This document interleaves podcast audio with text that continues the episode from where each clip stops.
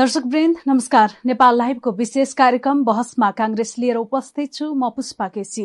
देशको पुरानो तथा प्रमुख दल मध्ये एक नेपाली कांग्रेस चौधौं महाधिवेशन केन्द्रित छ। भदौभित्र महाधिवेशन गर्नै पर्ने संवैधानिक बाध्यतामा परेको कांग्रेसले साउन बाह्रदेखि ओडा तहबाट अधिवेशन शुरू गर्नेछ र भदौ सोह्रदेखि उन्नाइस गतेसम्म केन्द्रको महाधिवेशन हुनेछ। नेपाल लाइभको विशेष कार्यक्रम बहसमा कांग्रेसमा हामी चौधौं महाधिवेशनलाई केन्द्रमा राखेर विभिन्न सामग्री प्रस्तुत गर्दै आएका छौं।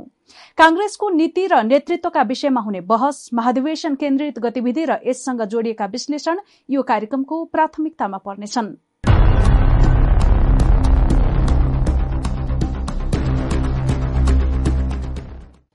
आफूलाई लोकतान्त्रिक पार्टीको संज्ञा दिएर नथाक्ने नेपाली कांग्रेसमा लोकतन्त्रकै आधारभूत एक तत्व समावेशिताका विषयमा निरन्तर प्रश्न उठ्दै आइरहेको छ।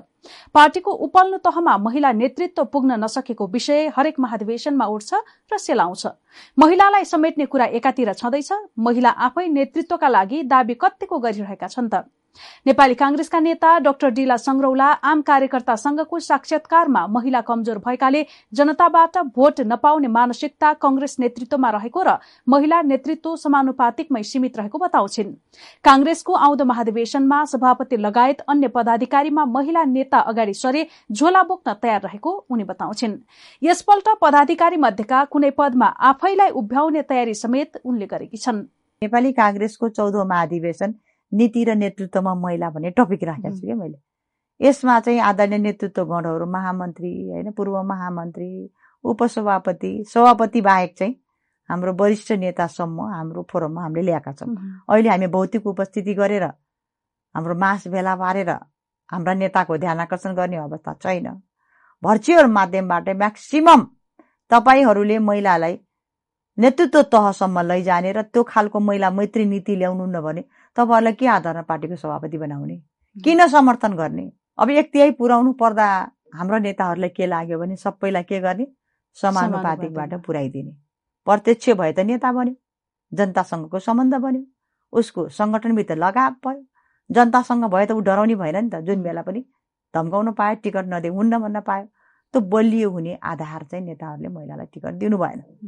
हाम्रो काङ्ग्रेसमा मात्रै होइन हरेक दलले के गरे समानुपातिकबाट महिला पुर्याए त्यसले गर्दा एक तिहाई महिला तेत्तिस प्रतिशत प्रतिनिधि सभामा आयो प्रदेशमा चौतिस आयो स्थानीय तहमा एकचालिस प्रतिशत आयो। स्थानीय तहमा पनि सबै उपमेयर चाहिँ बयानब्बे प्रतिशत चाहिँ उपमेयरहरू भएछन् उपाध्यक्ष। दुई प्रतिशत मात्रै मेयर भएछन् कि? यो तिथो यथार्थलाई आत्मसात गर्दा मैले विश्लेषण गर्दा के पाएको छु यो एजेन्डा पनि हामीले एकदम चर्को रूपमा उठाएका छौँ। यो सोचले के भयो भने महिलाहरूले प्रत्यक्ष निर्वाचन जित्न सक्दैनन्। जनतासँगको सम्बन्ध साक्षात्कारमा कम छन्। जनताले भोट दिन्नन्। पुरुष नेता धेरै उनकै भागभन्डा नपुग्ने। बहसमा कांग्रेसमा अब महाधिवेशनसँग सम्बन्धित अन्य गतिविधि अन्य दलबाट आएकाहरूलाई पार्टी निर्देशिका विपरीत क्रियाशील सदस्यतामा सूचीकृत गरिएको कांग्रेस वरिष्ठ नेता रामचन्द्र पौडेल पक्षले जनाएको छ। मापदण्ड बनाएर विवादित नाम टुंग्याउने सहमति पार्टीमा भएको थियो। सोही अनुसार केन्द्रीय समितिले मापदण्ड तय गरेको थियो। विजय गच्छेदारको फोरम लोकतान्त्रिक बाहेकका अन्यको हकमा पार्टीको विधान अनुसार नवीकरण हुनुपर्ने विधि बनाइएको थियो। उक्त विधि कार्यान्वयन नभएको भन्दै पौडेल पक्षले बैठक डाकेको थियो। थियो। क्रियाशील छानबिन समिति सदस्य सहित पौडेल पक्षको बैठक बसेको थियो।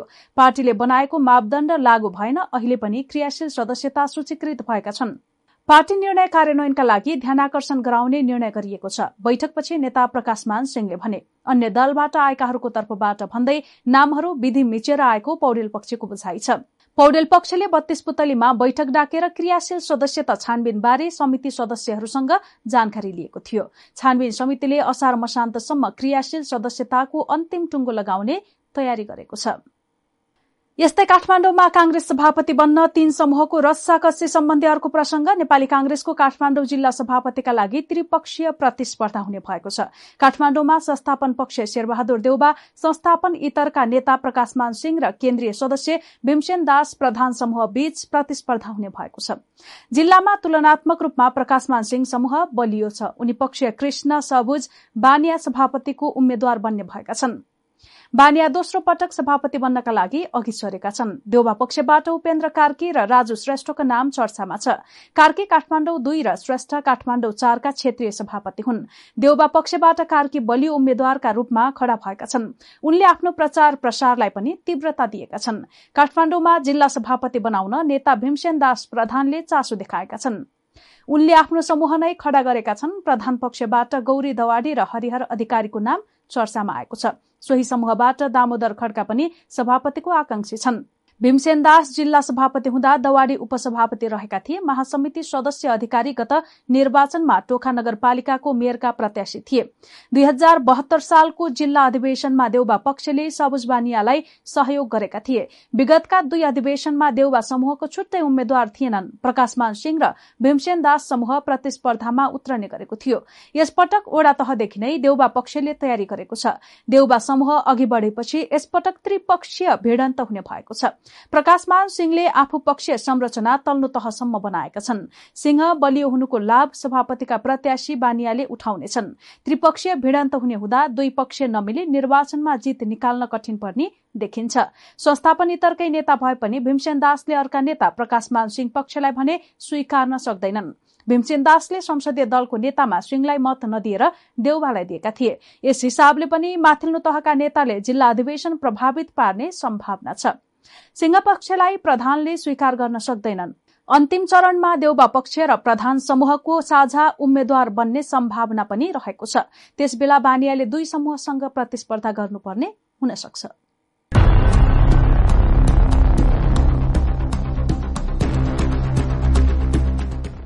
दर्शक वृन्द नेपाल लाइभको बहसमा कांग्रेस कार्यक्रममा अब अर्को प्रसंग। चौधौं महाधिवेशन नजिकिँदै गर्दा विभिन्न समीकरण देखा परेका छन् जसमा महिला नेतृत्वको उपस्थिति र दावी कतै पनि देखिएको छैन।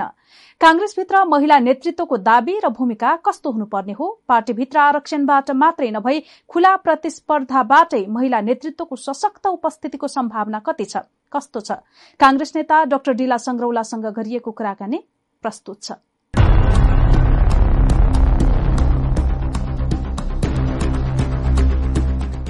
स्वागत छ। धन्यवाद। बहसमा कंग्रेसको श्रृङ्खलामा। हस् धन्यवाद। सन्चै हुनुहुन्छ। सन्चै छ। कतिको लागेको छ महाधिवेशन? नजिकै महाधिवेशन त लागेकै छ होइन? यो कोरोनाको दोस्रो लहर भेरिएन्टले गर्दा खुल्ला रूपमा साथीहरूको बिचमा त हामी जान सकेका छैनौँ। तर अहिलेको प्रविधिलाई प्रयोग गरेर भर्चुअल मार्फत चाहिँ जति सक्दो साथीहरूको बिचमा छलफल गर्ने आफ्नो कुरा राख्ने र तल्लो निकायदेखि आठौँ संरचनामा महिलालाई कसरी सहभागिता मात्रै होइन नेतृत्व पनि ल्याउने भन्ने छल छलफलमा चाहिँ छु म। के छ उहाँहरूको प्रतिक्रिया जो चाहिँ अहिले उहाँहरूको गुनासो छ एउटा पहिलो गुनासो चाहिँ नेपाली काङ्ग्रेसको जब अहिले नयाँ विधान आयो। त्यो विधानमा संविधानले दिएको जस्तो होइन? अध्यक्ष उपाध्यक्ष मेयर उपमेयर सभामुख उपसभामुख राष्ट्रपति उपराष्ट्रपति संविधानले भन्यो नि त। तर नेपाली काङ्ग्रेसको विधानमा। सभापति त प्रतिस्पर्धै गर्ने पद हो। त्यो बाहेक उपसभापति महामन्त्री सहमहामन्त्रीमा खै त एकजना महिला? किन तपाईँहरू बोल्न सक्नु भएन? यो अवस्था किन आयो? यो प्रश्न हामीलाई पनि आएछ। दोस्रो कुरा अब आठै तहको संरचनामा अहिलेको विधानलाई हेर्ने हो भने एक तिहाई महिला भनेको छ होइन? सबै के छ? पतित्व मात्रै हुने रहेछ कि नेतृत्वमा आउने रहेछन् केवल प्रदेशमा एउटा सहमहामन्त्री र चाहिँ केन्द्रमा एउटा क्लस्टरभित्र जात जातिको क्लस्टरभित्र एकाउन्न पोइन्ट चार प्रतिशत जनसङ्ख्या ओगट्ने महिला त्यही माथि नेपाली काङ्ग्रेसको लामो लोकतान्त्रिक आन्दोलनको एउटा सहयात्रीलाई क्लस्टरभित्र सीमित पारिएको छ। त चिन्ता र चासोको विषय यहीँ छ। र कसरी साथीहरूलाई तल्लो निकायदेखि ल्याउने? यो चाहिँ विरेद छलफलको विषय पनि छ। किन बोल्नु भएन त तपाईँहरू? अब त्यो विधान बन्दै थियो म त धेरै झगडै पर्यो। केन्द्रीय समितिमा हामीले खुल्लै पनि राख्यौँ। अब तपाईँलाई थाहा छ केन्द्रीय समिति अहिले मौजुदा केन्द्रीय समितिमा करिब बिस प्रतिशत मात्रै महिला छौँ होइन? सङ्ख्या त हाम्रो कम छ नि त। सङ्ख्या कमले गर्दा आवाज पनि कम भयो। हामीले जुन रूपले हाम्रो संविधानले दिएको संरचनाभित्र महिलाको उपस्थितिलाई प्रावधान राखिसकेका छ बाध्यकारी बनाएको छ त्यो बाध्यकारी हामीले विधानमा बनाउन सकेनौँ। हाम्रो आवाज सानो भयो त्यहाँ नै त्रुटि भयो। अब के गर्ने भन्ने पनि चुनौती छ। त्यो गर्दा हामीले एउटा के भनेका छौँ भने एउटा तपाईँले भने जस्तो महाधिवेशनमा पहिला त विधान संशोधन हुन्छ त्यसपछि मात्रै महाधिवेशनको निर्वाचन हुन्छ। तर तल्लो तहको संरचनाको त निर्वाचन भइसक्या हुन्छ। त्यसले काम भनेको केन्द्रलाई मात्रै संशोधन हो र प्रतिस्पर्धा गर्ने लबिङ गर्ने खडा हुनुहोस् भनेका छौँ हामीले त। तहको संरचनामा तपाईँ सभापति भन्नुहोस् क्षेत्रीय सभापति भन्नुहोस् नगर सभापति भन्नुहोस् प्रदेशमा फाइट खेल्नुहोस् पदाधिकारीमा आउनुहोस् सकेसम्म केन्द्रमा पनि त्यसरी आउनुपर्छ साथ दिनुहोस् भन्ने कुरामा चाहिँ छलफलमा छ साथीभाइहरू। यो आउनुपर्छ भन्ने कुरामा तपाईँ केन्द्रमै जो लामो समयदेखि फ्रन्ट लाइनमै देखिराख्नुहुन्छ होइन? तपाईँहरू नै अहिले त्यो दाबी विरोध कतै पनि नदेखिराखेको बेलामा चाहिँ उहाँहरू कसरी आउन सक्नुहुन्छ? जबकि तपाईँहरू केन्द्रमा आउने मान्छे नै त्यसरी अग्रसर हुनुहुन्न। अँ यो तिथो यथार्थलाई कोट्याउने तर्फ जानुभयो बहिनीले। हामी त छौँ नि त होइन? अहिले पनि अब बिस प्रतिशत भनेको त राम्रै हो केन्द्रमा। र विभिन्न नेतृत्वमा पनि छौँ होइन? कोही चाहिँ प्रदेश सभामा हुनुहुन्छ कोही स्थानीय तहमा हुनुहुन्छ होइन? विघटी प्रतिनिधि सभामा हुनुहुन्छ कोही केन्द्रमा हुनुहुन्छ। सबैले एक एक ठाउँको नेतृत्व चाहिँ लिइरहनु भएको छ कि? ती सबैलाई छाता दिने भनेको त केन्द्रमा भएको महिला नेताले हो नि त होइन? सिनियर दिदीहरू पनि हुनुहुन्छ हामी जस्तो यङ्गर पनि हुनुहुन्छ होइन? हामी पछाडिको पनि हुनुहुन्छ। सबै जेनेरेसनको संरक्षण चाहिँ छ। त त्यो सबैलाई एउटा एकीकृत आवाज भन्छौँ कि होइन? एकताबद्ध आवाजले मात्र समग्र महिलाको नेतृत्वको चाहिँ निर्धारण गर्छ कि। त्यो गर्नतर्फ चाहिँ हामी जानुपर्ने हो होइन? हामी पनि आआफ्नो छलफलमा छौँ। त्यसले चाहिँ अझै आकार चाहिँ लिन सकेका छ नि यो हाम्रो कमजोरी हो। अहिले चाहिँ अब तेत्तिस पर्सेन्ट महिला तल्लो तहदेखि नै आउँदै हुनुहुन्छ होइन? महाधिवेशन प्रतिनिधिदेखि हुँदै। अब यो केन्द्रीय कमिटीमै पनि हामी त्यो देख्न सक्छौँ। त्यो हुँदै गर्दाखेरि तपाईँहरू चाहिँ कतै पनि एउटा खालको अबको नेतृत्वलाई चाहिँ दबाब दिउँ होइन? हाम्रो पनि सशक्त प्रतिनिधित्व हुनुपर्छ भनेर काहीँ पनि छलफल गरेको होइन? त्यसरी भेटघाट गरेको र नेतृत्वलाई दबाब दिएको कतै पनि देखिँदैन देखिन्छ। मेरो चाहिँ अलिक टपिकै के छ भने नेपाली काङ्ग्रेसको चौधौँ महाधिवेशन नीति र नेतृत्वमा महिला भन्ने टपिक राखेको छु क्या मैले। यसमा चाहिँ आदरणीय नेतृत्व गणहरू महामन्त्री होइन पूर्व महामन्त्री उपसभापति सभापति बाहेक चाहिँ हाम्रो वरिष्ठ नेतासम्म हाम्रो फोरममा हामीले ल्याएका छौँ। अहिले हामी भौतिक उपस्थिति गरेर हाम्रो मास भेला पारेर हाम्रा नेताको ध्यान आकर्षण गर्ने अवस्था छैन। भर्चुअल माध्यमबाट म्याक्सिमम तपाईँहरूले महिलालाई नेतृत्व तहसम्म लैजाने र त्यो खालको महिला मैत्री नीति ल्याउनु भने तपाईँहरूलाई के आधारमा पार्टीको सभापति बनाउने? किन समर्थन गर्ने? त जसले महिला मैत्री नीति र महिलालाई चाहिँ नेतृत्वमा लैजाने भनेर खुल्ला साथ एजेन्डा र प्रस्ताव ल्याउनुहुन्छ। त्यही नै नेपाली काङ्ग्रेसको भावी सभापति हो। त्यो हुनुपर्छ भनेर बाध्यकारी हामीले बोल्न लगाइरहेछौँ। यसको मतलब हो लभिङ पनि हो एक प्रकारको। लभिङ त यति भएको छ कि भर्चुअल माध्यमबाट रात दिन चाहिँ यही तयारीमा जुट्दा तपाईँ र मेरो भेटघाट पनि पातलो भयो माझ आएको यो दुई हजार चार साल सात सालतिर चाहिँ एउटा फरक फरक पार्टीका कम्युनिस्ट होस् चाहे त्यो काङ्ग्रेसको नेत्रीहरू हुनुहुन्छ हुनुहुन्थ्यो। उहाँहरू चाहिँ हरेक विषयमा महिलाका विषयमा महिलालाई चाहिँ प्रतिनिधित्व ल्याउन अगाडि ल्याउनलाई चाहिँ उहाँहरू को समान धारणा भन्थ्यो कि? तर चाहिँ अहिले काङ्ग्रेसमा चाहिँ के देखिन्छ भन्दाखेरि तपाईँहरू अहिले जति पनि हुनुहुन्छ उहाँहरूमा पनि एउटा समान धारणा अथवा त्यो सशक्त भूमिका नदेखिराखेको अवस्था छ। यो चाहिँ किन अहिले अहिले आएर चाहिँ तपाईँले विगतलाई कोट्याउनु भयो होइन? दुई हजार चार सालमा मङ्गला देवी सिंह जब महिला मुक्ति र महिलाको मताधिकारका लागि लड्दै गर्दा साहना प्रधान लगायत थुप्रै महिला नेतासँगै यात्रा गर्नुभयो होइन? शैलजा आचार्यको जेनेरेसन द्वारिका देवी चन्दको जेनेरेसन होइन? ए पछाडि अहिले हाम्रो गएको चित्रलेखा यादव सीता देवी यादवको जेनेरेसन र हाम्रो जेनेरेसन होइन? यो जेनेरेसनसम्म आइपुग्दा चाहिँ आजको एउटा महिलाको प्रतिनिधित्वको लागि किन सब महिला एक ठाउँमा उभिन सकेन भन्ने प्रश्न जुन गर्नु भएको छ म चाहिँ महिला सङ्घको केन्द्रीय अध्यक्ष भएर आएको मान्छे। हामीले जुन बेला संविधानमा लेखिँदै थियो होइन? एक तिहाई महिलाको प्रतिनिधित्वको कुरा सवाल मात्रै उठेको थियो। अध्यक्ष उपाध्यक्ष मेयर उपमेयर सभामुख उपसभामुख अब राष्ट्रपति उपराष्ट्रपतिका कुरा पनि थिए। संविधान लेखनको अवस्था थियो। दिने कि नदिने छलफल थियो। म महिला सङ्घको केन्द्रीय अध्यक्ष थिएँ। अनि म सङ्घको अध्यक्ष अहिलेको महामहिम राष्ट्रपतिजी हुनुहुन्थ्यो। अन्य दलका थियौँ हाम्रो सधैँ निरन्तर बैठक बस्थ्यो। कहिले महिला सङ्घको कार्यालय कहिले अन्य सङ्घ कहिले क्रान्तिकारी कहिले अन्य भगिनी सङ्गठन। हामीले सबै नेताको कार्यालयमा गइकन अध्यक्षहरूलाई ध्यान आकर्षण गराएर तपाईँले जसरी पनि एक तिहाई महिला त्यसमा पनि महिलाकोलाई चाहिँ यो आलो पालो प्रणाली सहितको हाम्रो माग थियो। केही नभए पनि रिजर्भेसन त भयो नि। अब पार्टीभित्रको चाहिँ आन्तरिक लबिङ गर्ने। पार्टीभित्र आफ्नो पार्टीभित्र आफै लड्ने। बाहिर चाहिँ संविधानमा लेखाउनको लागि हामी जोइन्ट जाने। कतिपय रोडमा प्रदर्शन पनि सँगै गऱ्यौँ हामीले कि। यो खालको जुन यात्रा थियो म जब म महिला सङ्घको पाँच वर्षको सभापति अध्यक्ष भएर अधिवेशन गरेर फर्केँ त्यो यात्राको निरन्तरता मेरो पछाडि नेतृत्वले गर्ने हो नि त होइन? त्यो चाहिँ करिब करिब बन्द भएको छ। अब अहिले के भएछ भनेपछि एउटा चाहिँ कमी कमजोरीले हामीले स्वीकार गर्नुपर्छ। हामी बिचमा एकता भएन होइन? ठिक छ। काङ्ग्रेसभित्रको जुनसुकै गुटमा लागेको महिला हो तर महिला हो नि त होइन? महिलाको नेतृत्व त अगाडि जान बाधा व्यवधान छ नि त। प्रतिस्पर्धा गरेर आउनको लागि अहिले पनि त नेपाली काङ्ग्रेसको करिब आठ लाख भन्दा बेसी क्रियाशील वितरण भएको खाका सार्वजनिक भएको छ। त्यसमा एक चौथाइ मात्रै महिला भनेको छ नि त। कहाँ सङ्ख्या पुग्यो? केन्द्रले भनेको थियो एक तिहाई महिला ल्याउनु पर्छ। एक तिहाई महिलाको लागि प्रत्येक जिल्ला जिल्लामा म गएको छु। लबिङ हामीले गर्यौँ महिला सङ्घले पनि गर्यो सबैले हामीले गर्यौँ परिपत्र गर्नुपर्छ भनेर केन्द्रीय समितिमा भन्यौँ। खै त क्रियाशीलै दिएनन् भने उनले। पुगेन? पुगेन नै। हामीले क्रियाशीलै उहाँलाई बाँड्न नदिने। यो दिने डाडु पन्नेमा जस्तो तिन चार तहको संरचना हुन्छ।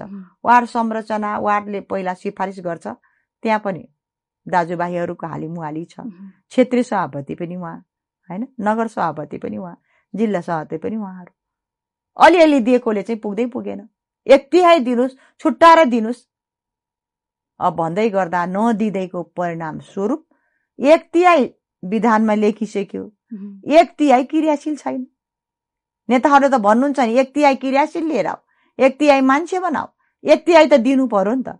भनेपछि अहिले कमजोरी त देखियो नि त। हामी यहाँ पनि के अब चुप लाएर बस्नु अब चुक लाएर बस्ने कुरा होइन। आज चाहिँ बिहान देख्नु भयो एउटा मेरो चाहिँ न्युज पनि आइरहेछ। एउटा सानो मैले अब अहिले भनेको सामाजिक सञ्जाल होइन? साथीभाइहरूको लभिङ हो मैले बिहानै राखिसकेको छु। धेरैले त्यसलाई कभर पनि गरिरहनु भएको छ। हाम्रो आवाजलाई पुर्याउनु पर्यो किन कमी भयो? अब वितरण त सकिसक्यो। लास्ट छानबिनको रिजल्ट आउने बाँकी छ। कमजोरी त भइसक्यो हेर्नु। देशभरि महिलाले क्रियाशील पाइन मरेर कराइरहनु भएको छ। महिला सङ्घको अध्यक्ष हुँदा त्यत्रो अस्सी हजारभन्दा बेसी महिलालाई त क्रियाशीलै हामीले दिएको थियौँ महिला सङ्घ। ती सबैले पनि क्रियाशील पाएनन्। भन्ने अन्य जति पनि तिनै तहको निर्वाचन भयो। अग्रपङ्क्तिमा नारा जुलुसमा डन्डामा तपाईँ महिला देख्नुहुन्न? तिनी महिलाले क्रियाशील पाए त? आज खै त पाएको? यो कमजोरी हाम्रो पनि हो केन्द्र समितिमा बसेर। हाम्रो आवाज हुँदा हुँदै पनि हामीले दिलाउन सकेनौँ। लभिङ त म्याक्सिमम् गऱ्यौँ त्यसले चाहिँ यो पाटोले गर्दा चाहिँ अझै पनि महिला नेतृत्व फराकिलो तरिकाले विधानमा उल्लेख भएको कुरा चाहिँ कार्यान्वयन नभएको। तितो यथार्थता महसुस चाहिँ मलाई यसमा चाहिँ पटक पटक तपाईँहरूमाथि आरोप पनि लाग्छ कि मूल नेतृत्वले अब जहाँ चाहिँ नेताहरूको वर्चस्व छ पुरुषहरूकै वर्चस्व छ त्यहाँ। उहाँहरूले जे भन्यो त्यही पछि चाहिँ तपाईँहरू लाग्दाखेरि यो पहिचान नै गुमायो आवाज चाहिँ कमजोर भयो भन्ने आरोप पनि तपाईँहरूमाथि छ। त्यही हो यो होइन। हामी पछि लागेर पनि होइन मैले अघि नै कुरा उठाइसकेँ। गुटको प्रभाव पनि। गुटको प्रभाव पनि होइन। यो महिलाको केसमा के छ भने महिला सङ्घमा मात्रै महिला सङ्घ। महिला सङ्घमा पनि पुरुष ल्याउने भयो हुने भएको भए त्यो पनि महिला हुन्थ्यो कि हुन्नथ्यो भन्छु क्या म कहिले काहीँ परिकल्पना गर्छु होइन? अब यति महिला ल्याउने भने त महिला सङ्घमा रहेका महिलाहरूले निर्णय गर्न पाउनु पर्यो नि त। परेको परेन को कोलाई दिने? संस्थागत ल महिला सङ्घलाई एक तिहाई हो को को हो तपाईँहरूले सिफारिस गर्नुहोस् हामी इकाइ इकाइमा पठाइदिन्छौँ इकाइबाट सिफारिस गरी एक तिहाई महिला आउनुपर्छ। यही नीति मात्रै बनाइदिएको भए आज यो समस्या आउने थिएन होइन? यो गुटको प्रभाव पनि होइन नेताको प्रभाव पनि होइन। यो दिने हालिमुहाली गर्ने सङ्गठनको संरचनाभित्र महिलाको नेतृत्व भएन दिने ठाउँमा भएन। नहुँदै गर्दा दिएको मागेको कति पाइन्छ? मागे त थोरै पाइन्छ नि त। यसो मागेको डेन्टिङ पेन्टिङ गर्दै गर्दा थोरै यसरी त अहिले केन्द्रीय कमिटीमा चाहिँ तेत्तिस पर्सेन्ट महिला नेतृत्व आउने भन्ने जुन विधान छ यहीमा पनि त भोलि त नपुग्ने सम्भावना देखियो नि। विधान अनुसार अब त्यही मध्येबाट एक तिहाई महिला त त्यसै आइहाल्छ होइन? नआउने त कुरा भएन। तर चाहिँ पहिलो आधार भनेको त क्रियाशील थियो नि एक्टिभ मेम्बर। त्यहाँ नै एक दिएको भए तागत अझ बलियो हुन्थ्यो सङ्ख्या बढ्थ्यो होइन? र एकचोटि हामीले आरक्षण माग्यौँ। भोलि तिखारेर आएपछि त भोलि प्रतिस्पर्धा नै गर्थ्यो नि त। आरक्षण माग्ने अवस्थाबाट पनि हामी हट्थ्यौँ होला। त्यो चाहिँ हुन सकेन। र अर्को कुरा एक तिहाई महिला त विधानमा बाध्यकारी बनाएको छ। उहाँहरू एक तिहाई त आउनुहुन्छ। प्रतिनिधि पनि प्रतिनिधि पनि एक तिहाई आउनुहुन्छ होइन? एक तिहाई महिलाले जसलाई चुन्छ त्यही नेता बन्दैछ। त्यसैले काङ्ग्रेसको नेतृत्व सम्हाल्न पुग्दैछ। अनि एक तिलो एक तिहाई महिला चाहिँ एउटा पदाधिकारीमा सीमित भएर काङ्ग्रेसको नीति र निर्णायक तहमा अर्थपूर्ण महिलाको सहभागिता कहाँबाट हुन्छ कि? यो डिबेट चाहिँ हामी सबैले चलाउनु पर्यो भन्छु मैले। तल्लो निकायदेखि माथिल्लो निकायसम्म गोलबद्ध र एकताबद्ध भएर महिलाको नेतृत्व आजको आवश्यकता। भनेर चाहिँ छलफल चलाउँदै गयौँ भने त्यो खालको वातावरण पनि बन्छ। अनि पहिलो चरण छ महिलाहरू डराउनु भयो होला। बोल्दै गर्दा प्रतिनिधि आउन पनि त गाह्रो छ होइन? तर चाहिँ जब यो बाह्र गतेको वाडा अधिवेशन सकिन्छ प्रदेशसम्मको क्षेत्रसम्मको अधिवेशन हुन्छ त्यस पछाडि सबै स्वतन्त्र हुन्छ। महिलाको नेतृत्व ल्याउनको लागि कसैले गुट गर्ला कसैले लबिङ गर्ला कसैले दबाब देला त्यो दबाबमा हाम्रो महिला दिदीबहिनीहरू रहनुहुन्छ जस्तो चाहिँ मलाई लाग्छ। अहिले अब विभिन्न समीकरणहरू देखिराखेका छन् होइन? अनि निकै दौडधुप पनि देखिन्छ।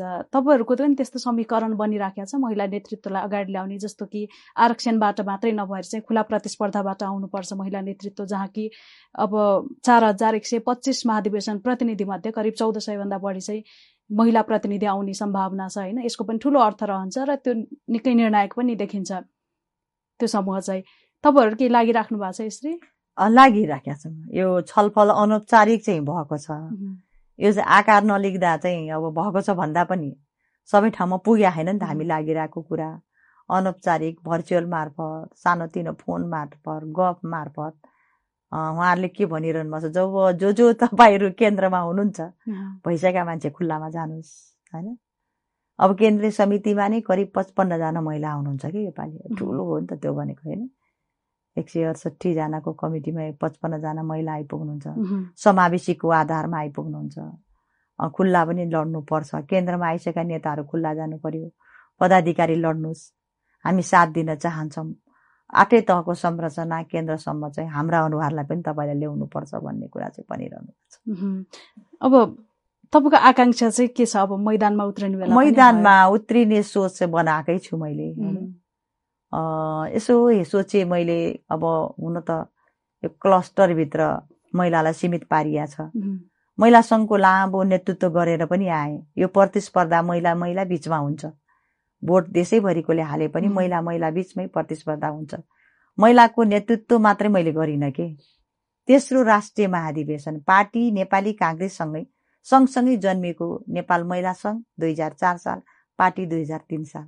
पार्टीको चौधौँ महाधिवेशन भयो महिला सङ्घको तेस्रो राष्ट्रिय महाधिवेशन। मैले सफल गराएर आएको मान्छे हुँ कि। त्यस कारणले महिला कोटामा लड्ने मैले नै पर्छ जस्तो मलाई लागिराखेको छ। साथीभाइले त्यही भन्नुभएको छ। सिनियर दिदीहरू सहमहामन्त्रीमा? लड्ने इच्छा राखेको छु। सिनियर दिदीहरूले महामन्त्री उपसभापति लड्नुहोस्। सक्नुहुन्छ सभापति लड्नुहोस्। तपाईँहरूको सधैँ साथमा जान र झोला बोक्न चाहिँ म तयार छु। अब अलिकति विगतलाई पनि खोट्याउ हिजो अब समानुपातिक प्रतिनिधित्वको व्यवस्था त त्रिसठी सालपछि भयो होइन। त्योभन्दा अगाडि चाहिँ प्रत्यक्षबाट आउने महिलाहरूको सङ्ख्या चारजना पाँचजना छजना हुन्थ्यो निर्वाचनमा पनि जितेर आउनुहुन्थ्यो। तर अहिलेसम्म आइपुग्दाखेरि यही सत्तरी सत्तरी चौरात्तरकै निर्वाचनमा अहिले चौरात्तरकै निर्वाचनमा आइपुग्दाखेरि प्रतिनिधि सभामा जति पनि तपाईँहरू अहिले सांसद हुनुहुन्छ महिला सांसद सबै समानुपातिकबाटै हुनुहुन्छ। किन यो खुला प्रतिस्पर्धाको दायरा चाहिँ किन साँगुरिँदै गएको अहिले कङ्ग्रेस यो दायरा कङ्ग्रेसभित्र मात्रै होइन। संविधानले बाध्यकारी बनायो प्रदेश होइन? र प्रतिनिधि सभा राष्ट्रिय सभामा प्रतिनिधि सभामा खास गरी एक तिहाई महिला लैजाने। अब एक तिहाई पुर्याउनु पर्दा हाम्रो नेताहरूलाई के लाग्यो भने सबैलाई के गर्ने? समानुपातिकबाट पुर्याइदिने। प्रत्यक्ष भए त नेता बन्यो जनतासँगको सम्बन्ध बन्यो उसको सङ्गठनभित्र लगाव भयो। जनतासँग भयो त ऊ डराउने भएन नि त जुन बेला पनि। धम्काउनु पायो टिकट नदे हुन्न भन्न पायो। त्यो बलियो हुने आधार चाहिँ नेताहरूले महिलालाई टिकट दिनु भएन। हाम्रो काङ्ग्रेसमा मात्रै होइन हरेक दलले के गरे समानुपातिकबाट महिला पुर्याए त्यसले गर्दा एक तिहाई महिला तेत्तिस प्रतिशत प्रतिनिधि सभामा आयो प्रदेशमा चौतिस आयो स्थानीय तहमा एकचालिस प्रतिशत आयो। स्थानीय तहमा पनि सबै उपमेयर चाहिँ बयानब्बे प्रतिशत चाहिँ उपमेयरहरू भएछन् उपाध्यक्ष। दुई प्रतिशत मात्रै मेयर भएछन् कि? यो तिथो यथार्थलाई आत्मसात गर्दा मैले विश्लेषण गर्दा के पाएको छु यो एजेन्डा पनि हामीले एकदम चर्को रूपमा उठाएका छौँ। यो सोचले के भयो भने महिलाहरूले प्रत्यक्ष निर्वाचन जित्न सक्दैनन्। जनतासँगको सम्बन्ध साक्षात्कारमा कम छन्। जनताले भोट दिन्नन्। पुरुष नेता धेरै उनकै भागभन्डा नपुग्ने। अब के छ भने हाम्रै पार्टीभित्रको कुरा गर्नुहुन्छ भने हाम्रो विधानमै छ। एकचोटि समानुपातिक पाले अब समानुपातिक उठ्नु नपर्ने हामीले स्वत प्रत्यक्षमा जानुपर्ने। तर हामीले प्रत्यक्षमा जानुपर्ने हो नि। जो जो मान्छे अस्ति प्रत्यक्षमा उठ्नुभयो नि उहाँले अस्सी वर्षसम्म उनको जीवन रहँदासम्म राजनीतिमा सके पनि नसके कुद्दासम्म जीवनभर प्रत्यक्षमा टिकट लिइरहनु पर्ने ठिकै लागेको छ। हाम्रो त क्षेत्रै छैन। हाम्रो क्षेत्र कहाँ खोज्नु पर्ने अवस्था छ कि? यो पीडा लाग्छ कि लाग्दैन? म जतिको महिला चाहे म अहिले कर्णाली होस् कि दूर दराज बस्ती तिनको आवाजलाई एक मिनटमा म भैँचालो ल्याउन सक्छु। पढेको पनि छु। ममा त पीडा छ भने दूरदराजको महिलाको पीडा टिकट नपाउँदा नेताले नचिन्दा समानुपातिक सूचीमा पनि नपर्दा तर पनि काङ्ग्रेस र लोकतन्त्र भनिरहनु पर्ने नेता नेता बनाइरहनु पर्ने अनि उनी जनताको नेता नबन्ने। भनेपछि कसले बोल्छ कि यो पीडा मैले त अस्ति पार्टी सभापतिले तिमीहरू सबै प्रत्यक्षमा जानुपर्छ भन्ने कुरा उठाउँदा मैले भने सभापतिज्यू तपाईँ टिकट दिन तयार हुनुहुन्छ? तपाईँका सबै नेताहरू त क्षेत्रै छोडेका छैन हाम्रो त क्षेत्रै भेटिन्न कहाँ खोज्नु जाने हो? क्षेत्र बनाऊ क्षेत्र बनाऊ कहाँ गएर बनाउने हो? जब हामी त्यो क्षेत्रमा सुन्छौँ अब भाग खान आयो भने किन खेदाएको खेदाइ हुन्छन्? हामीलाई खेदाउँछन्। भनेपछि जीवनभर राजनीति पनि त एउटा हुन्छ नि त। कहिलेसम्म प्रत्यक्ष राजनीति गर्ने? आफू पछाडिको उत्तर पुस्ताको चिन्ता नगर्ने? यो ट्रेन हरेक दलभित्र छ। लोकतान्त्रिक पार्टी काङ्ग्रेसभित्र पनि छ कि? बिपी कोइराला दुई हजार पन्ध्र सालमा कस्तो थियो होला यो समाज? है? सामाजिक कुरीति विभेद महिलालाई हेर्ने दृष्टिकोण चेन्ज भएको थिएन नि। तर बिपीले प्रत्यक्षमा द्वारिका देवी चन्द ठकुरानी जितेर आउनु भएन डडेलदार जस्तो ठाउँबाट स्वास्थ्य सहायक मन्त्री बनाएर दक्षिण एसियाको ढोका खोल्न सफल हुने। हाम्रो नेताहरूले महिलालाई प्रत्यक्षमा टिकट दिएर अब अस्ति भएका सबै समानुपातिकमा जाऊ अब लड्न महिला जाऊ। तपाईँ लड्नुपर्छ भन्ने कुरा चाहिँ भन्दैन भन्ने। त्यस कारण यो पीडा मलाई अनुभव के छ भने म मोरङको राजनीति गर्छु। कहिले पनि हामीले टिकटै पाउँदैन। छवटा क्षेत्र छ सबै पुरुषै पाउँछ। मैले सोचेँ मैले टिकटै नपाउने हो भने म चाहिँ नगरपालिकाको महानगरपालिका चाहिँ मेयरमा उठ्छु भन्ने सोच राखेँ। नेता बन्नु पर्यो यो समानुपातिक गएर के गर्ने? अब म यति क्याम्पेनिङ गरेँ कि सारा माहौल मेरो माथि खनियो आउनुपर्छ। म टिकट लिन आएँ। मैले महानगरपालिकाको पनि टिकट पाइनँ। होइन तिमी समानुपातिक दिइहाल्छ चुप लागेर बस्छ। समानुपातिक त मैले लिएँ मलाई के फाइदा भयो? मेरो क्षेत्र कहाँ हो त? भने यस्तै म जस्तै। हजारौँ महिलाहरू आफ्नो क्षेत्र कहाँ हो? कहाँ गएर जनतासँग सम्बन्ध बनाउने भने छटपटाइरहेका छन्? अनि हाम्रो पछाडिको महिलाको अवस्था कहाँ हुन्छ? त्यस कारण लोकतान्त्रिक पार्टी भन्ने लोकतन्त्रभित्र महिलाको पहिचान र अधिकार हुन्छ भन्ने नारा लाउन हामीले नछोड्ने होइन? हाम्रो इतिहास र अतीतलाई भजाउन हामी नछोड्ने तर सुन्दर भविष्य बोक्नेहरूको अनुहारलाई नेतृत्व दिन पछाडि पार्ने भने बन्छ काङ्ग्रेस कहाँ यो त हिजोसम्म अझ अहिले पनि जस्तो छोरीको घर र थर हुँदैन भन्ने जस्ता कुराहरू चाहिँ जसरी एउटा विभेदको रूपमा त्यसरी देखा पर्थ्यो। अहिले राजनीतिमा पनि त्यसरी नै देखा परिराखेको छ एकदम पीडा छ पोलिटिक्स गर्नेलाई कहिलेकाहीँ त म लाग्छ म त एकचोटि एमपी पनि भइसकेँ महिला सङ्घको अध्यक्ष भए केन्द्रीय सदस्य भए मैले पाएँ नि जीवनमा।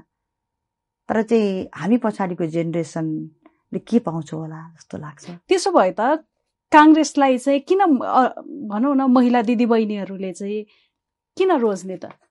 त्यही भएर एउटा लडाइँ छ के? महिलाको पहिचानलाई बुझ्न सक्दैन। अब एउटा लडाइँ छ हामी भित्र पनि। हामी एउटा लडाइँ लड्न तयार छौँ। त्यसैले यो महाधिवेशन नै महायज्ञ हो कि? यो लडाइँमा सफल भएर टिकट दिने ठाउँमा महिला पदाधिकारी किन जान खोजिरहेछन् सबैजना? किन तल्लो निकायदेखि माथिसम्म पदाधिकारी? तिनैले पार्लियामेन्ट्री बोर्डमा स्वत बस्ने विधानमा छ। टिकट दिने ठाउँमा महिला पुग्नु पर्यो अब। त्यसपछि उनले के गर्छन्? महिलाको पहुँचमा वृद्धि हुन्छ तपाईँले भने उनीहरूको आशा र भरोसामा उत्साह आउँछ। अब हाम्रो पनि त गार्जेन पुग्यो नि। त्यो उत्साह र आशा जगाउनको लागि पनि काङ्ग्रेसको चौधौँ महाधिवेशनको आठै तहको संरचना। अहिले उत्तरदायी बनाएको छ। अहिले माथिले टिकट दिने होइन। वार्डको क्षेत्रको नगरको प्रदेशको केन्द्रसम्मको आफ्नो आफ्नो जिम्मेवारी छ। त्यो ठाउँमा महिला पुग्यो भने त कलम चल्यो नि उनको बोली चल्यो नि पावर सेयरिङको कुरा आयो नि आयो क्या आएन? त्यस कारणले आजसम्म हामीले दुःख पायौँ। अब आउने पछाडिको जेनेरेसनले दुःख पाउँदैन। उनको लागि हामी बाटो फराकिलो पार्छौँ। उनको लागि हामी जसको मूल्याङ्कनको आधारमा right man is right place किन भन्छौँ हामी? सही मान्छेहरूलाई सही जिम्मेवारी दिन नसक्दा हामी पछाडि पर्या हो नि त। त्यस कारणले योग्यता क्षमता दक्षता लगानी यी सबै कुरा राजनीतिमा चाहिँ निरन्तरता होइन? यो सबै राजनीतिमा मान्य राख्छन् त्यो मूल्य हो नि त। यो मूल्य विपरीत चाहिँ आफ्नै मान्छे हो भनेर टिकट दिन थाल्यौँ भने काङ्ग्रेसभित्र क्रियाशीलै नभएको मान्छे टिकट दिन थाल्यौँ भने जिताउने क्रममा आफ्नै परिवारकै मान्छे भनेर टिकट दिन थाल्यौँ भने मधेसमा प्रायः जसो नेताको बुढीहरू उपमेयर बन्यो किनभने हामीले तयार गरेनौँ कार्यकर्ता। गाह्रो भयो कि भएन। त्यस कारणले तयार पनि हामीले गर्नु पर्यो। हरेक तहको महिलाको प्रतित्व पनि हुनु पर्यो। अब आउने पिँढीको चाहिँ उज्जवल भविष्य छ जस्तो लाग्छ। हामी जस्तो गार्जेन तपाईँहरूको साथमा छौँ। हामी बनिसक्यौँ। अबको आउने जेनेरेसनलाई बनाउने जिम्मेवारी हाम्रो हो जस्तो मलाई लाग्छ। यो आउने महाधिवेशनको मिति चाहिँ नजिकिँदै गर्दाखेरि तपाईँहरूको यो महिला नेतृत्व चाहिँ सशक्त रूपमा एक ढिक्का भएर समूहमा शक्तिसहित लिएर आउने सम्भावना छ? यो आउँदा चाहिँ विभिन्न तपाईँले भने जस्तै आफै स्वतः स्फूर्त रूपमा आउन सक्ने अवस्था छैन। तिथि यथार्थलाई स्वीकार गर्नु पर्यो। अब पहिला त एउटा दुईवटा तिनवटा गुटसम्म हुन्थे। अहिले त सबै सभापति उठ्ने भए त गुटै गुट भए होइन? भए नि। यसलाई त स्वीकार गर्नुपर्छ। लोकतन्त्रको सुन्दर गहना पनि हो। महाधिवेशन आउँदै गर्दा तपाईँ मेरो चोइस फरक फरक हुन्छ नि होइन? तपाईँ मेरो नेतालाई हेर्ने दृष्टिकोण फरक फरक हुनसक्छ। जसलाई जहाँ सहज हुन्छ त्यसको लिडरसिपमा जान खोज्या हुन्छ। त्यसैले गर्दा त्यो फरक फरक दृष्टिकोण बोकेर भन्दा पनि फरक फरकको सहयोगबाट महिला आउन सम्भावना छ। तर आइसकेका महिलाले चाहिँ बुझिया छन् क्या यो पीडा म जतिकोले पीडा बुझिया छु भने तल्ल जो चाहिँ जसले चिन्दैन कसैलाई तर काङ्ग्रेस लोकतन्त्र राष्ट्रियता जिन्दाबाद जिन्दाबाद भनिरहेछ नि होइन? त्यो आउने महिला आउनुहुन्छ गुटभित्रबाट आउनुहुन्छ। तर आइसकेपछि उहाँहरूको विवेकले महिला नेतालाई चाहिँ चुन्छ भन्ने चाहिँ मलाई विश्वास छ। हामी कार्यक्रमको अन्त्य अन्त्यतिर आइसकेका छौँ। तोकिएको समयमै महाधिवेशन नहुने सम्भावना आशंका अहिले पनि व्याप्त छ। के देख्नु भएको छ यसमा? हुन्छ। आशंकाको लागि छन्। धेरैले मलाई प्रश्न गर्नुहुन्छ। यो अधिवेशन हुन्छ दिदी? मैले हुन्छ। यो तिस गतेसम्म यो छानबिन समितिले पहिलो खुट्किलो भनेको क्रियाशील। यो विवाद अलिअलि रिट परेको छ होइन? त तपाईँलाई थाहा छ सत्तामा आएको कुरा स्वीकार गर्छु। हुन्छन् अधिवेशनमा। तिस गतेसम्म अन्तिम फाइनलको छानबिन समितिले क्रियाशीलको निर्णय केन्द्रीय समितिमा पठाउँछ। केन्द्रीय समितिले अनुमोदन गरेपछि बाह्र गतेदेखि सुरु हुने वार्ड अधिवेशन भदौमा हुने सोह्र सत्र अठार उन्नाइस राष्ट्रिय महाधिवेशन। यो समयदेखि पछाडि धकल्ने अधिकार चाहिँ कसैलाई छैन। अन्त्यमा केही भन्नुहुन्छ? अन्त्यमा महाधिवेशन लागेको छ। हामी लोकतान्त्रिक पार्टी नेपाली काङ्ग्रेस होइन जसको गौरवान्वित इतिहास उज्जवल भविष्य पनि छ। अहिलेको अप्ठ्यारो परिस्थितिमा कम्युनिस्टको अधिनायकवादले चिरा चिरा पनि पारेको छ। त्यो भित्र हुन थालेको राष्ट्रिय महाधिवेशनले नेता परिवर्तन गर्ला होइन? तर नेता परिवर्तन मात्रै ठुलो कुरा होइन कि? लिने नीति र एजेन्डाले समग्र राष्ट्र त्यो भित्र पनि सधैँ पिल्सिएकी महिलाको पीडा उनको नेतृत्व आजको आवश्यकता हो। त्यसलाई हाम्रो नेतागण जसले सभापति बन्न खोज्नु भएको छ त्यसलाई शिरोधार्य गर्नुपर्छ। तब मात्र काङ्ग्रेस बलियो बन्छ पुरानो अवस्थामा जान्छ। तब मात्र रूपान्तरण सम्भव छ हुन्छ समय र संवादको लागि धेरै धेरै धन्यवाद। दर्शक वृन्द नेपाल लाइभको कार्यक्रम बहसमा काङ्ग्रेसमा आज हामीसँग हुनुहुन्थ्यो नेपाली काङ्ग्रेसका नेता डाक्टर डिला सङ्ग्रौला। आजलाई यो कार्यक्रम यति नै। अर्को विषय र व्यक्तित्वका साथमा हामी उपस्थित हुने नै छौँ। नमस्कार।